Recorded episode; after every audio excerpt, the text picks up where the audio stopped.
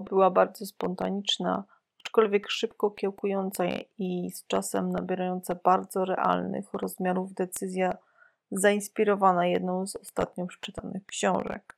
Pomysł na podcast o książkach wwiercał się w mój umysł tak intensywnie, skutecznie i stał się tak irytujący, że w końcu uległam. Głównie dlatego, że chętnie dzielę się wrażeniami po przeczytaniu konkretnych tytułów z wszystkimi, którzy chcą słuchać, wdawać się w dyskusję, wymieniać wrażeniami. Z mojej strony to zawsze jest mocno subiektywna ocena bohaterów, wydarzeń, świata przedstawionego i przede wszystkim emocji, które wzbudziła we mnie dana książka. To ostatnie kryterium jest dla mnie zawsze kluczowe i najważniejsze.